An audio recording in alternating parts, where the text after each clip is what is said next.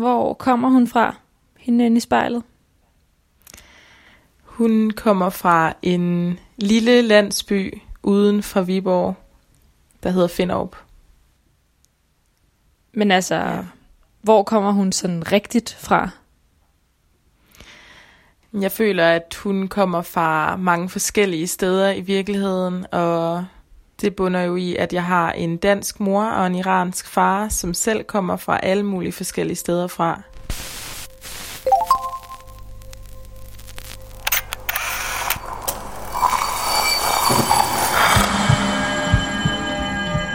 Vi ser os i spejlet hver dag.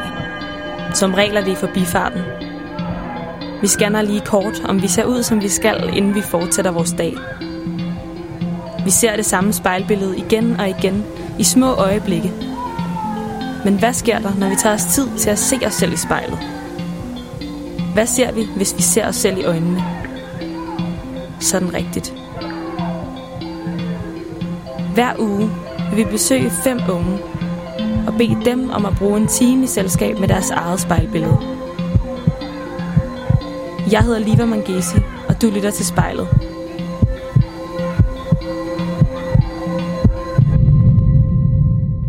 Hej Dina. Hej. Hej, har du trykket på optag? Det har jeg, ja. Godt, og du må godt tage den lidt øh, højere op. Ja, og sådan ligesom så den er i linje med din mund -agtig. Ja, super ja. fint. Godt, og øhm, vil du ikke lige prøve at fortælle mig, hvor du sidder henne, og hvordan der ser ud? Yes, øh, jeg sidder inde på mit soveværelse øh, foran mit spejl, som er et guldspejl. Øh, og ved siden af mig er min seng, og øh, så har jeg noget af mit, øh, mit tøj herinde, og en kommode. Det er et meget lille værelse. Ja. Hvor er vi henne i Danmark lige nu? Vi er i Aarhus, øh, mere specifikt Aarhus Nord, hvor jeg bor i min øh, toværelseslejlighed ved siden af universitetet. Ja, så siger du med det samme ved siden af universitetet. er det noget, der øh, fylder meget, at du bor tæt på? Ja, altså jeg har bevidst øh, søgt efter en lejlighed tæt på universitetet, fordi at så kan jeg jo bare gå til og fra skole, så det er jeg rigtig glad for at bo her. Og hvis du lige kigger rundt i soveværelset der, Mm. hvad minder så om dig derinde? Jamen det gør øh, mange ting inde i mit soveværelse. Jeg har en masse guldting, der har sådan lidt mere et vintage look over sig. For eksempel mit spejl, som har en guldramme, og jeg har også en guldlampe og guldsengetøj og sådan nogle ting. Hvad, hvad er der med guld, Dina? Jamen det, det har jeg bare altid været glad for, og det afspejles også i det meste af mit hjem. Der er ret meget guld, og det er noget, jeg altid har været glad for. Hvad er det guld, det, øh, det siger? Jeg ved ikke, hvad det siger, men øh, det gør i hvert fald et eller andet for mig i, at det, jeg tror, at det er bare på en måde en del af min stil, fordi at på en måde virker det lidt eksklusivt, men på den anden side virker det også sådan lidt gammeldags, så det beskriver nok meget min indretningsstil i virkeligheden. Hvordan har du det, når du er hjemme i din lejlighed? Jamen, øh, jeg har det jo rigtig rart i min lejlighed. Den øh, betyder meget for mig. Jeg har indrettet den præcis, som jeg gerne vil have den. Øhm, og jeg er rigtig heldig med størrelsen og beliggenheden. Så det føles som et, øh, et trygt og varmt sted for mig, at jeg kan komme hjem.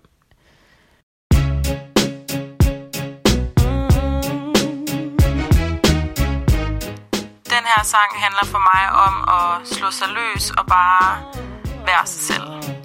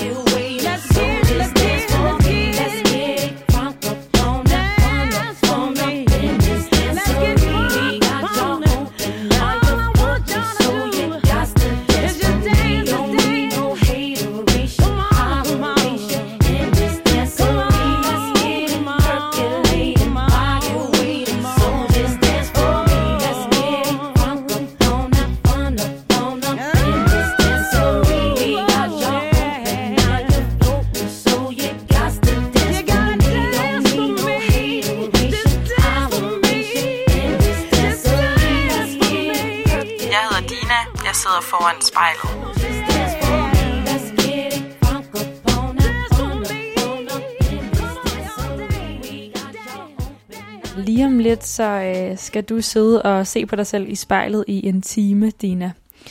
Og Mhm. fordi at vi ikke kan være ved siden af hinanden lige nu, så er du blevet min øh, lydmand på stedet. Hvad hedder det? Hvis du kigger ned på optageren nu, kører den så, som den skal?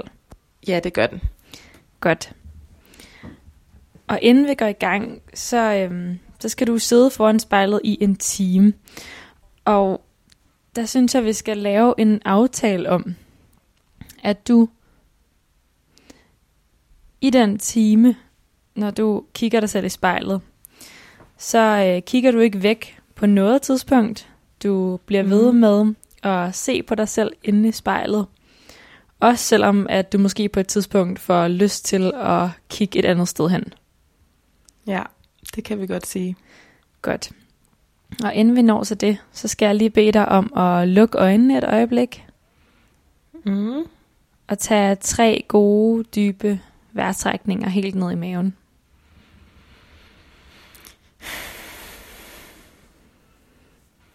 Og når du føler dig klar, så må du gerne åbne øjnene og kigge ind i guldspejlet.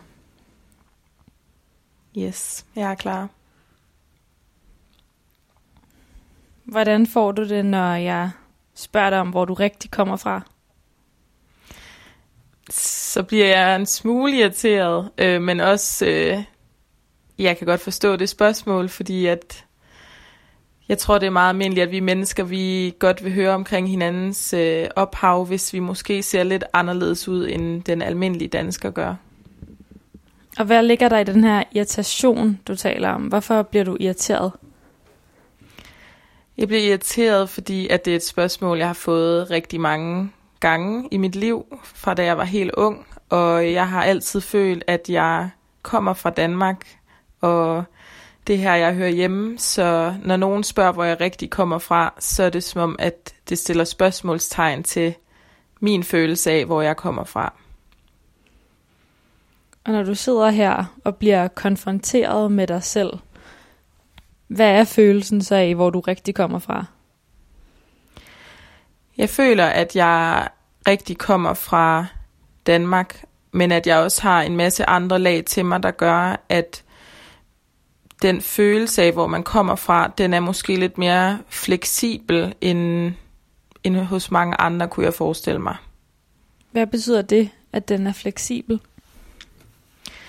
Det betyder i bund og grund nok, at jeg i virkeligheden har lidt svært ved at øh, høre hjemme nogle steder, men samtidig så har jeg også let ved at føle mig hjemme mange steder på samme tid. Når du kigger ind i spejlet nu, er der så sådan forskellige baggrunde, du kan se? I mig selv? Ja. Ja, jeg kan godt se, at, øh, at jeg er en blanding af to verdener på en eller anden måde, fordi at jeg hverken er helt lys, men jeg er heller ikke helt mørk. Hvordan kan du ellers se, at du er en blanding af to verdener? Fysisk set, der kan jeg også se det på mit, øh, mit valg af tøj og den måde, jeg bærer make op på eller smykker. Øhm, det er ikke det typiske skandinaviske look, jeg har valgt til mig på den måde, så det er en god blanding. Hvad, hvad betyder det sådan helt konkret øh, fysisk i spejlet? At det ikke er det skandinaviske look, men det, det er noget andet, du har gjort med make-up'en for eksempel? Jamen, øh, typisk set, så vil jeg sige, min, øh, min eyeliner og ofte øjenskygge og sådan noget afspejles ofte i, hvad jeg vil kalde et mere mellemøstligt look. Øhm, og det er ikke på samme måde præget af at skulle holde sig tilbage. Øh, samtidig så elsker jeg også at gå med pranglende guldsmykker, øhm, som nu er ved at komme ind her i Danmark, men altid har været inde i for eksempel den mellemøstlige kultur. Ja, for så siger du det her med, at det er et mellemøstligt look, du mere har valgt. Så hvad mm. har der ligget det der med at stå mellem to kulturer, og så måske også kunne vælge, hvad man skulle være og se ud som? Jamen altså, jeg ved egentlig ikke, om det har været så meget et valg, som det måske bare har været en proces i min identitetsdannelse. Og det er jo også ude fra kommende kræfter, der har været med til at forme den, jeg er i dag. Men jeg føler i hvert fald selv, at fra da jeg var helt barn, der har jeg ikke følt mig anderledes end, end andre. Men eftersom jeg er blevet ældre og begyndt i folkeskolen, så er det ligesom andre, der har fortalt mig, at jeg var anderledes end majoriteten omkring mig. Og derigennem tror jeg så, at det har bragt mig nærmere med min iranske side af, af min identitet. Så det har jo været et valg. Hvad sagde de i folkeskolen, som fik dig til at få øjnene op for, at du måske var lidt anderledes end dem? Jamen altså, der var jo i hvert fald nogle kommentarer omkring min hår og hudfarve. Øhm, og senere hen i nok 3. 4. klasse, der begyndte også at komme racistiske skældsord min vej, når jeg gik på gangene, hvilket også udviklede sig til trusler fra de ældre klasser, og jeg tror, det tog noget tid for mig at indse, øhm, hvad det egentlig bundet i, fordi jeg jo selv bare var et barn og ikke kendte til for eksempel racisme. Men det lærte jeg så igennem det.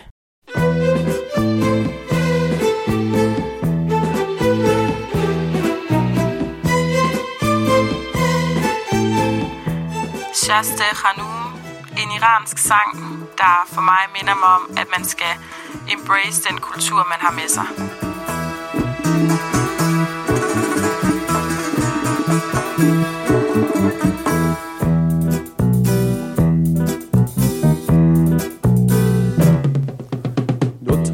دستام مرکبی تموم شعرام خط خطی.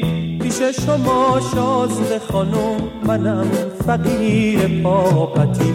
برو رو بردار و ببر دلم میگه دلم میگه.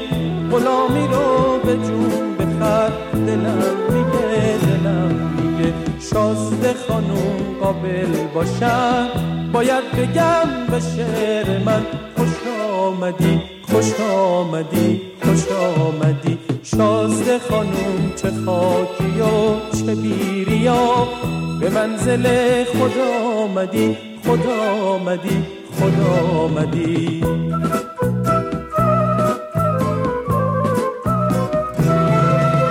عجب عجب چه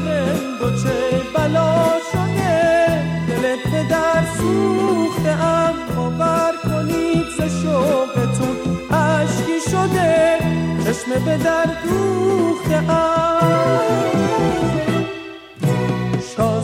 خانوم قابل باشم باید بگم به شعر من خوش آمدی خوش آمدی خوش آمدی. شازده خانوم چه خاکی و چه بیریا به منزل خدا آمدی خدا آمدی خدا آمدی.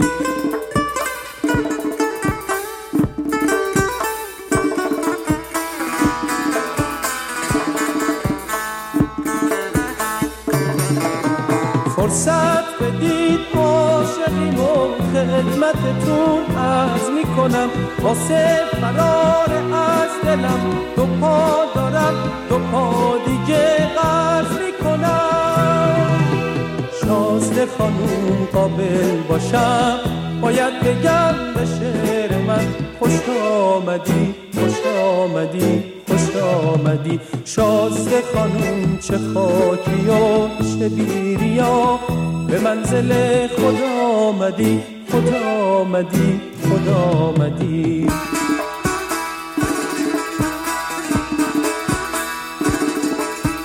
فرصت بدید عاشقین و خدمتتون عرض می‌کنم. واسه فرار از دلم پا دیگه قرض می‌کنم. شازده خانوم قابل باشم باید بگم به شعر من خوش آمدی خوش آمدی خوش آمدی. شازده خانوم چه خاکی و چه بیریا به منزل خدا آمدی خدا آمدی خدا آمدی. Kigger mig selv i spejlet.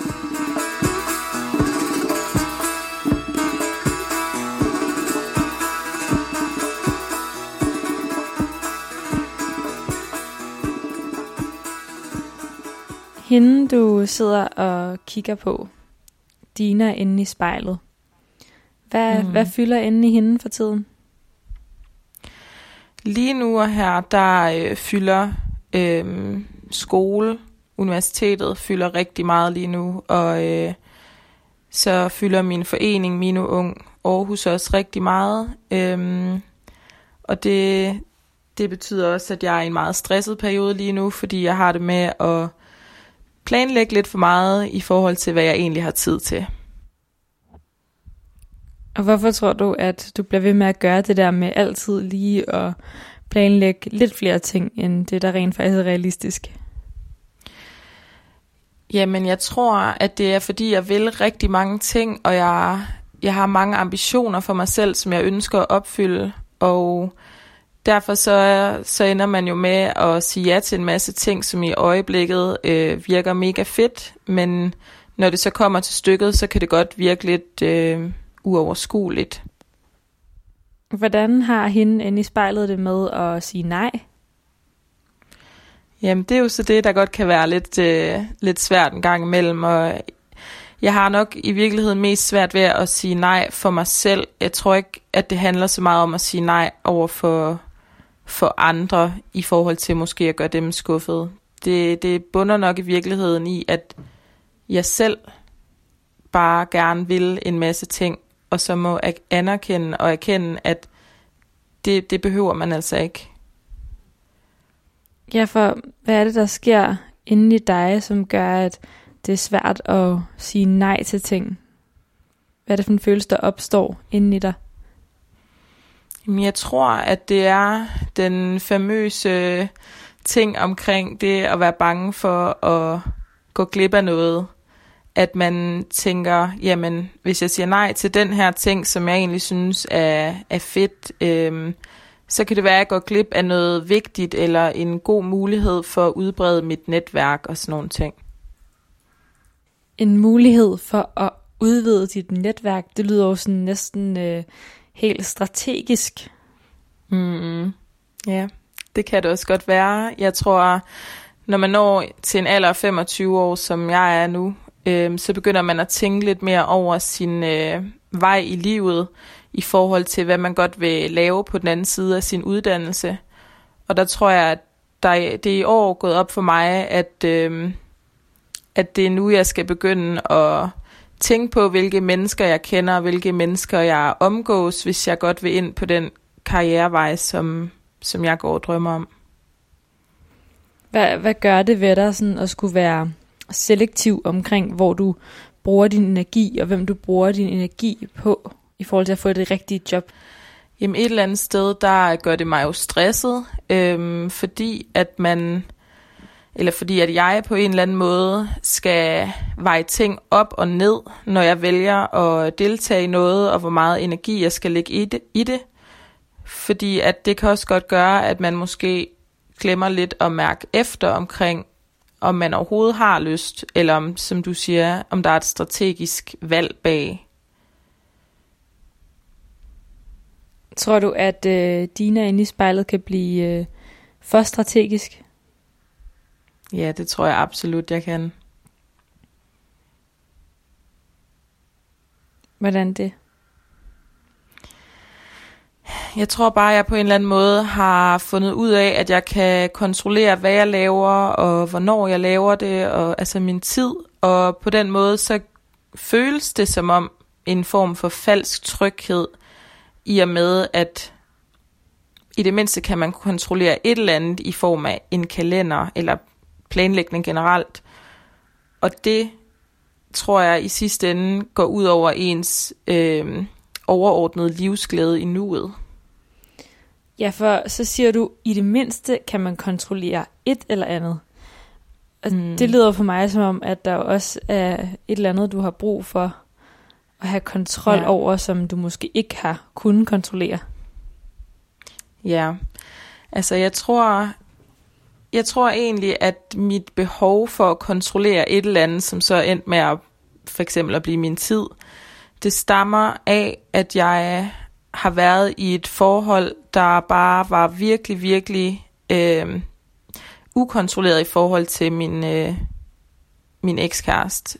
Og det tror jeg i den tidsperiode gjorde, at jeg bare begyndte at prøve at kontrollere det, jeg vidste, jeg i det mind, der var håndgribeligt for mig, hvilket var at lave lister over, hvad jeg skulle, hvornår, og arbejde og skole. Og på den måde tror jeg bare, det har givet mig en eller anden form for det har givet mig en eller anden form for følelse af, at så, så havde jeg kontrol over et eller andet, fordi det kunne jeg selv styre. Mm.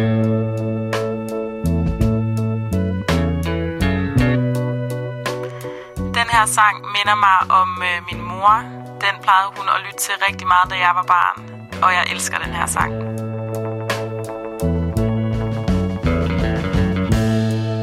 Something told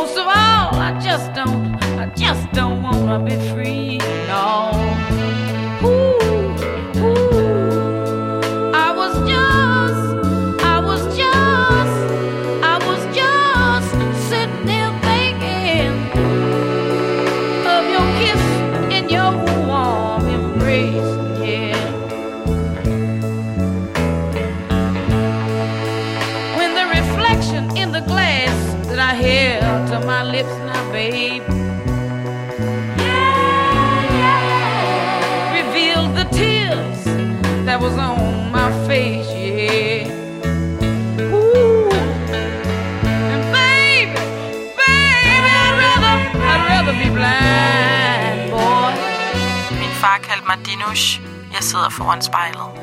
than to see you walk away, see you walk away from me, yeah. Ooh.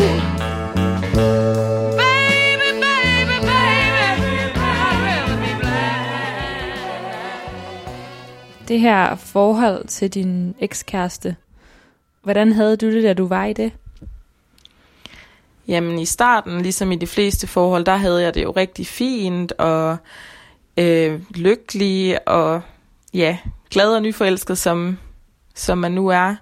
Men senere med årene, så tror jeg bare, at jeg forstod, hvor forskellige vi var, og hvor, øh, hvor en turbulent baggrund han kom fra, hvilket også reflekterede sig i vores øh, forhold. Og det gjorde jo så, at jeg faktisk oplevede en grundlæggende øh, ulykkelighed i en årrække. Hvad handlede den der forskellighed mellem jer om? Ja, altså jeg tror først forskelligheden ligesom gik op for os efter et par år, men, men den forskellighed kom nok af, at, at jeg er mere dansk øh, på min måde at være på, end man måske skulle øh, tro. Og øh, han var nok mindre dansk, end hvad jeg troede, han var. Og det lyder måske mærkeligt for nogen, fordi hvad betyder det egentlig at være dansk? Men i vores forhold, og øh, der, altså der blev det bemærket i den måde, man omgås andre mennesker på, og hvordan man omgås sin familie på, øhm, hvilke tilgange man har til for eksempel det modsatte køn og sådan nogle ting. Og der tror jeg virkelig, øh, at det gik op for os begge to, at vi nok bare var mere forskellige, end, end hvad vi havde regnet med senere i forholdet. Okay, så Dina, i den første del af dit liv, der var du ikke rigtig dansk nok. Mm. I hvert fald ikke til skolen. Og så kom du i et forhold, og så var du faktisk for dansk. Yeah. Så hvornår kan du blive den rigtige mængde dansk? Ja, det er så et godt spørgsmål, fordi jeg tror, det afhænger rigtig meget af, hvem man spørger. I nogens øh, mening vil jeg nok aldrig være dansk nok, og i andres mening vil jeg være for dansk. Men vigtigst af alt, så er det jo min, min egen opfattelse og øh, min egen mening omkring mig selv, der betyder noget. Og jeg tror egentlig først det her midt i 20'erne, at jeg ligesom begynder at gøre op med, hvad det vil sige at være dansk, og hvad det vil sige at være iransk. Og så bare i stedet for at prøve at være mig, og alt det, der så indebærer for de to verdener, jeg kommer fra. Hvis du kigger op og ned af dig selv inde i spejlet, og bare sådan lige lader blikket sådan køre lidt tilfældigt op og ned, hvad lægger du så Mm. mærke til?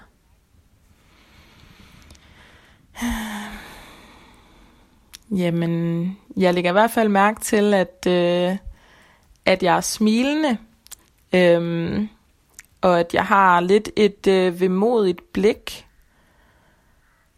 og også at jeg sidder en lille smule akavet tilpas her inde på mit soveværelse. Den der akavede måde, du sidder på, hvad skyldes den? Jamen altså, det, det skyldes nok, at øh, vi jo kommer ind på nogle emner, som jo er lidt sårbare omkring mit personliv. Øhm, og så tror jeg bare, at jeg er typen, der måske har svært ved at skjule mine følelser. Øhm, så det kommer til udtryk blandt andet igennem ja, mit blik og, og mit kropssprog. Ja, for så kommer vi igen til det her vemodige blik i dine mm. øjne. Så du Ja. lige prøver, prøver at kigge sådan godt og grundigt efter. Hvad er det så, de fortæller dig?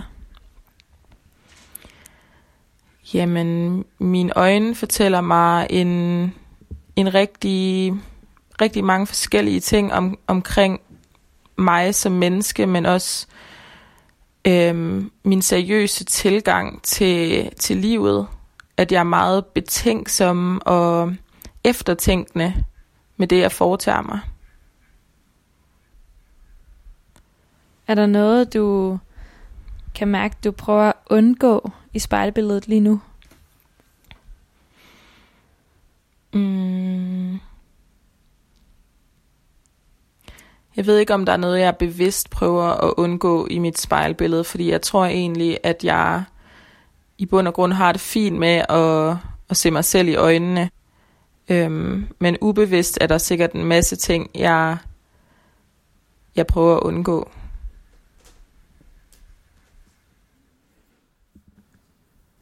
Hvad kunne det være for nogle ting, tror du, hvis du lige tænker efter? Når du ikke har lyst til at blive konfronteret med her i spejlet. Altså, jeg har helt klart en tendens til øhm, ikke at have lyst til at vise alt for meget øh, svaghed. Og jeg tror, at jeg har ikke, jeg har ikke noget problem med at anerkende mine øh, svagheder over for mig selv. Men jeg tror, at i en, øh, i en anden kontekst, som for eksempel i det her program, eller over for bekendte eller venner og familie, der, der vil jeg gerne fremstå stærk, og jeg har svært ved at vise øh, min sårbarhed alt for tydeligt frem. Og det kan godt være, at det er også det, jeg prøver at undgå nu. Hvilke perioder i dit liv tænker du tilbage på og føler dig allermest sårbar? Jeg ved ikke, om jeg kan dele det op i perioder, men der er i hvert fald elementer fra mit liv, hvor jeg ved, at øh, det er det, jeg forbinder med noget allermest sårbart for mig. Og det er blandt andet min relation til min, til min far, og så også noget af det, vi allerede er kommet ind på, den modstand, jeg har oplevet i folkeskolen angående mit, øh, mit anderledes udseende i forhold til den gruppe, vi var der.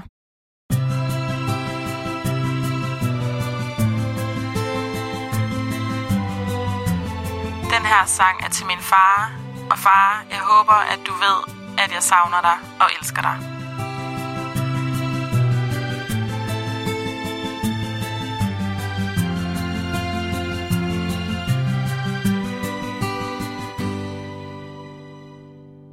تو که میدونستی قلبم بی تو لحظه هاش عذابه تو که می‌دونستی حالم بی تو داغونه خرابه. پس چرا گذاشتی رفتی؟ مگه مهربون نبودم؟ مگه عاشقت نبودم؟ مگه هم زبون نبودم؟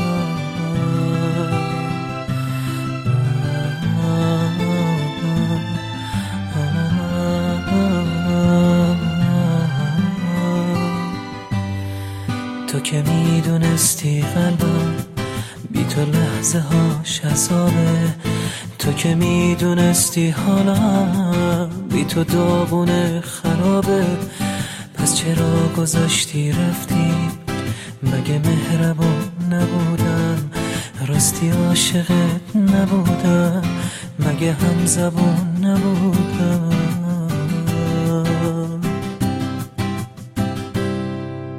که می‌دونستی عشقات واسه من شگون نداره.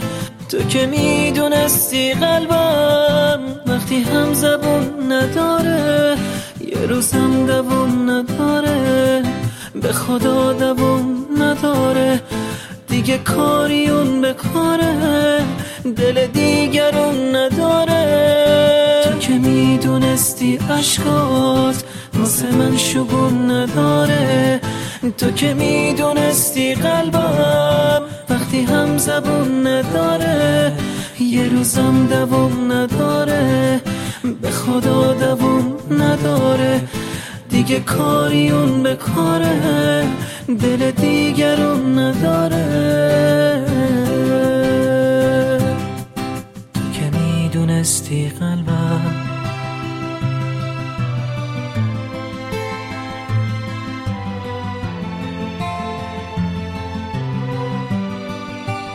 sidder vi på mit soveværelse, og jeg ser mig selv i spejlet.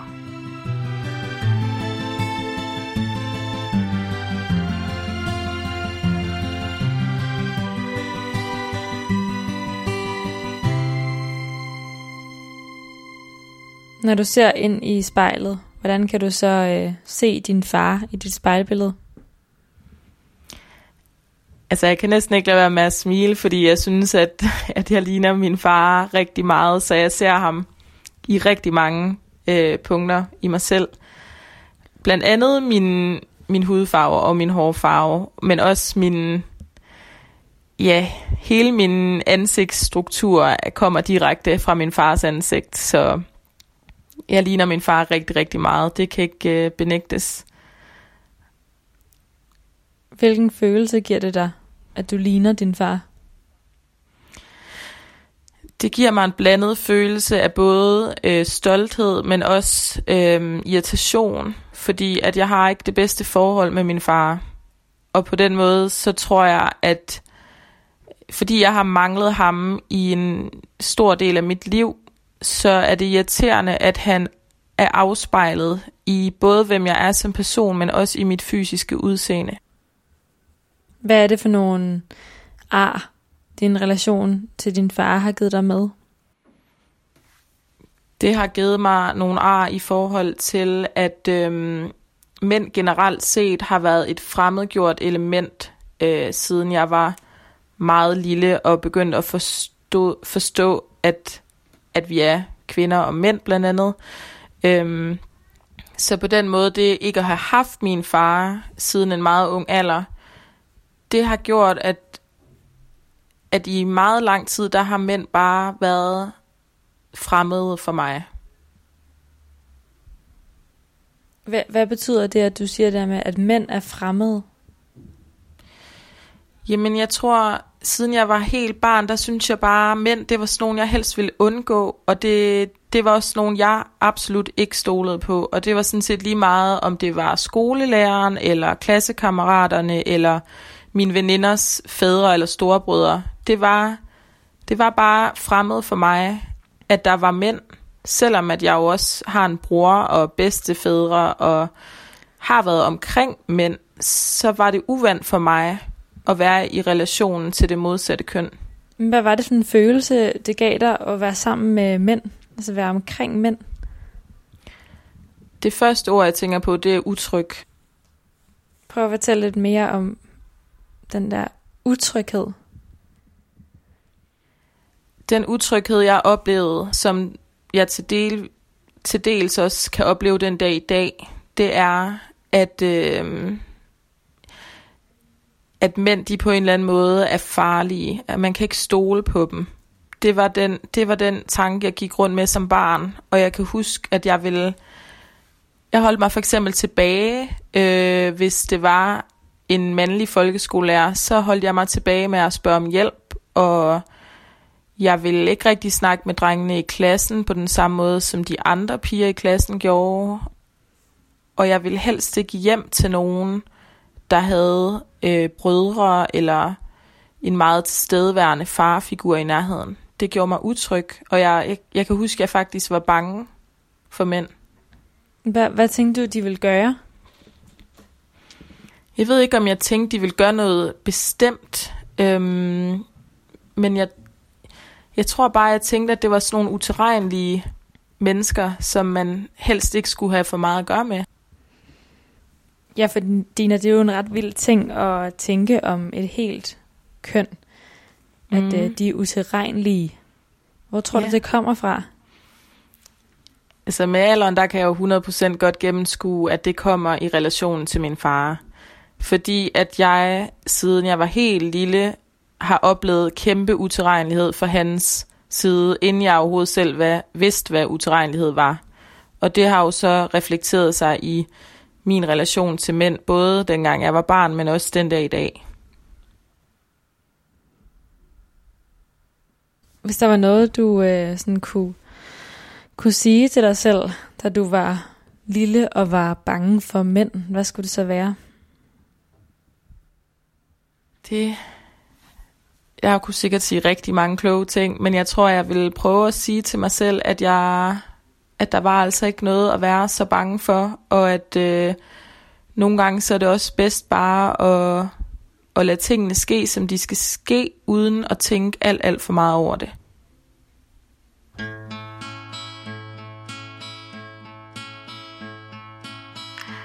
Her sang, den minder mig også om min far og min mor, og det er en sang, jeg har hørt rigtig, rigtig meget. Min far var tosset, min mor var normal Men da de kørte ham væk, sagde mor til mig Hvad gør vi nu, lille du?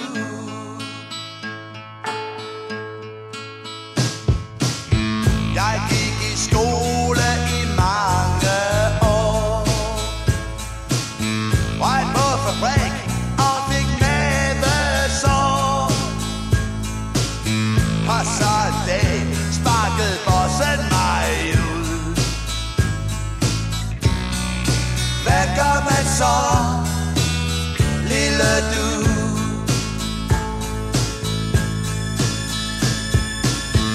Og tiden gik, og jeg gik med. Jeg fløj afsted, fra sted til sted. Og gadens løse fugle, de fløjtede og sang Hvor skal vi hen,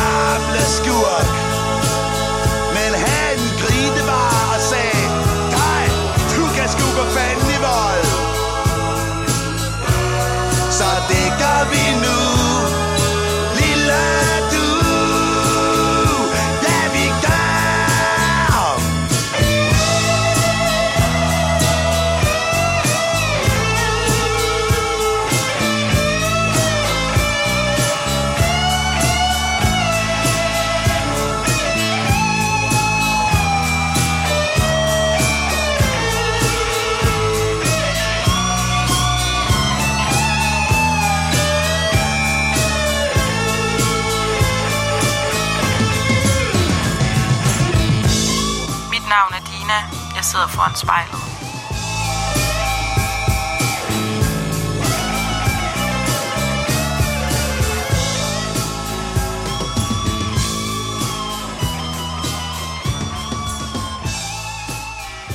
Når du kigger på Dina inde i spejlet, hvad er så vigtigt for hende?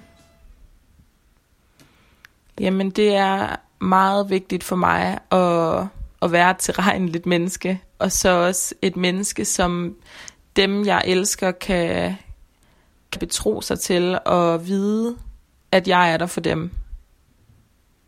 Hvad betyder det sådan at være tilregnelig? Helt konkret. Hvordan er man det?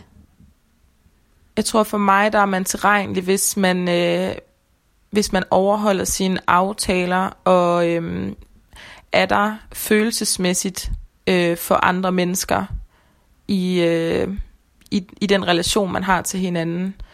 Og at man også godt kan lægge sig selv på hylden og give sig selv til et andet menneske i, i en situation, hvor de måske har brug for en. Hvad kommer du til at kigge på ved dig selv inde i spejlet nu? Jeg kommer i hvert fald til at kigge i, min, øh, i mine øjne og på min mund, og kan godt se, at mit, øh, mit ansigtsudtryk har ændret sig en smule, siden vi begyndte at snakke om min far. Hvad er der sket i det?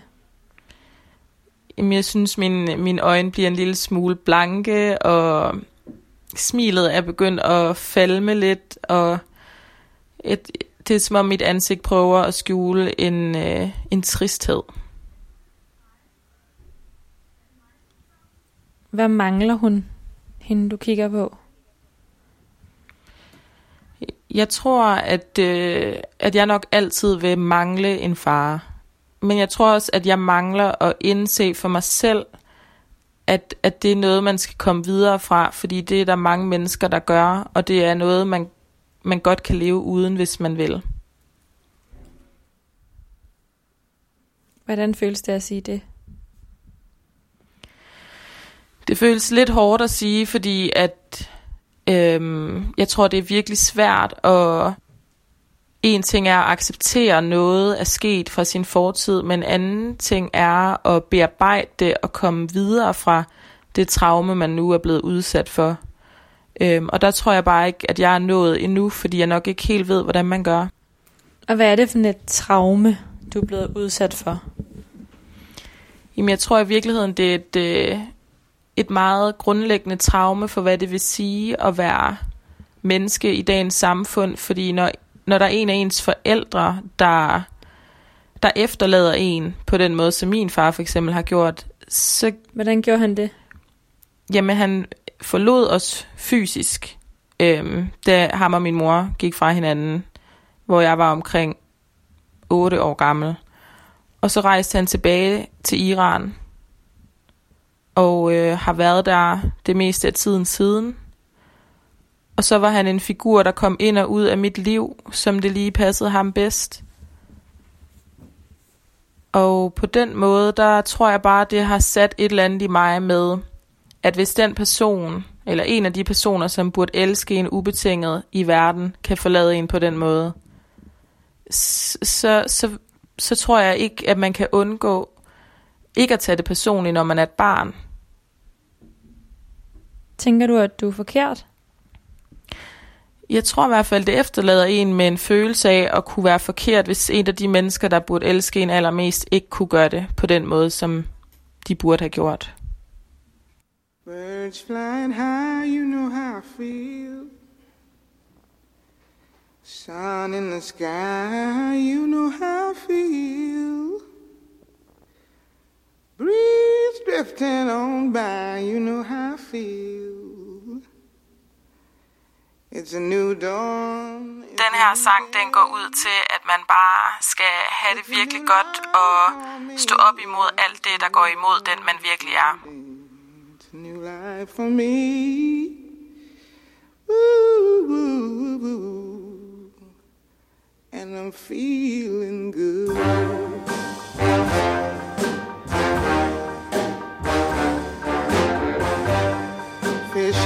Sea, you know how I feel. River running free, you know how I feel blossom on the tree. You know how I feel. It's a new dawn. It's a new day. It's a new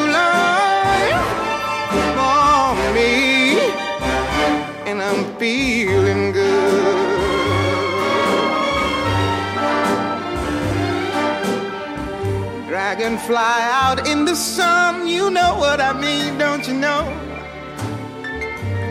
Butterflies all having fun, you know what I mean. Sleep in peace when day is done, that's what I mean.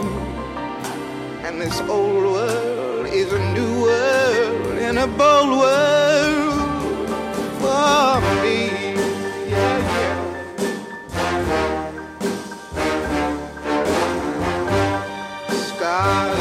You shine, you know how I feel.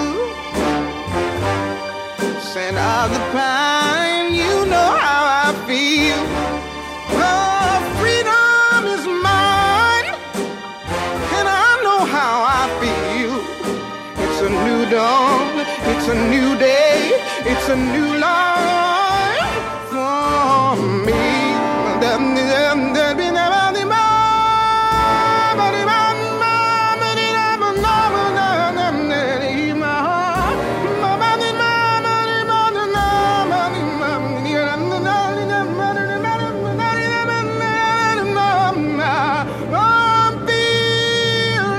jeg sidder foran spejlet. Jeg hedder Dina.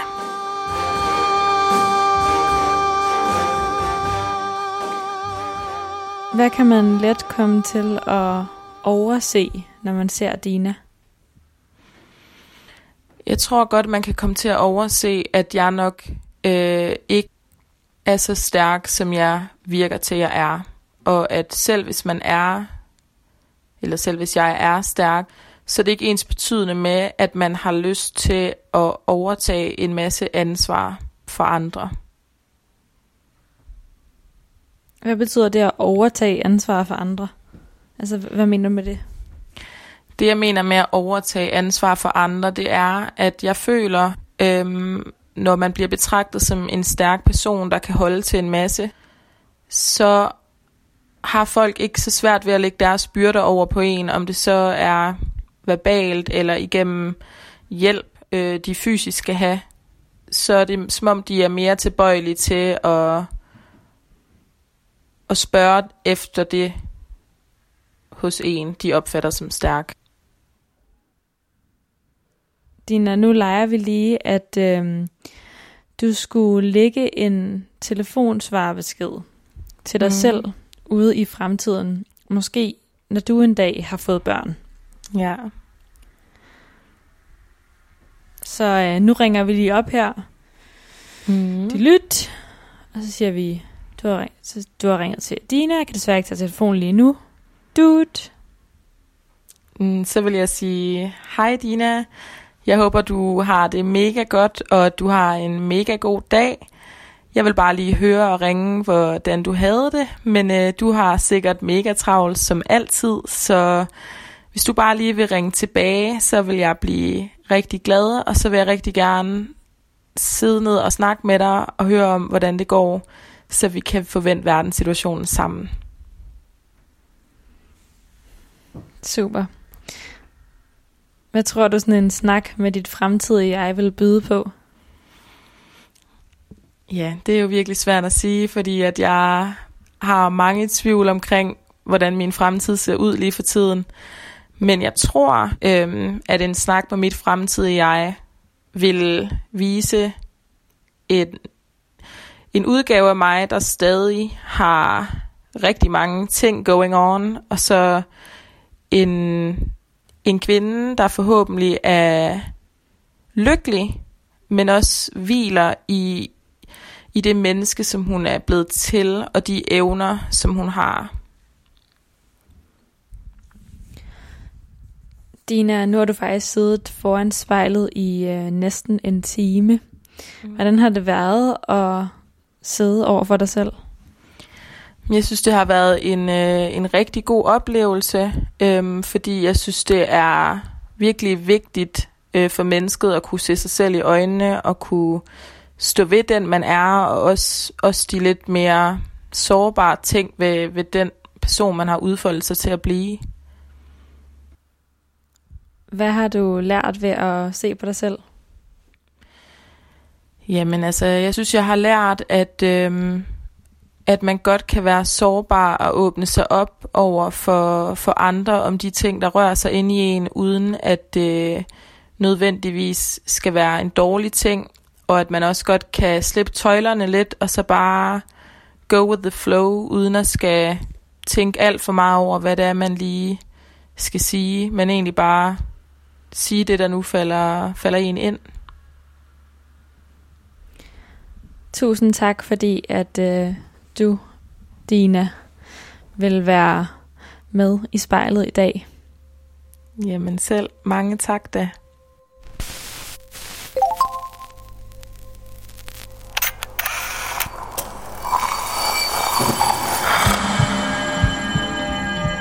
Du har lyttet til spejlet. Produceret af Kontrafej, klippet af Mathias Sørensen og tilrettelagt af mig, Liva Mangesi. Vores redaktør hedder Kim Pil Vester. Musikken blev valgt af personen foran spejlet, og du finder spejlets playliste på din streamingtjeneste. Hvis du har noget på hjerte, eller hvis du har en idé til, hvem der skal stå foran spejlet, så skriv til os på Instagram.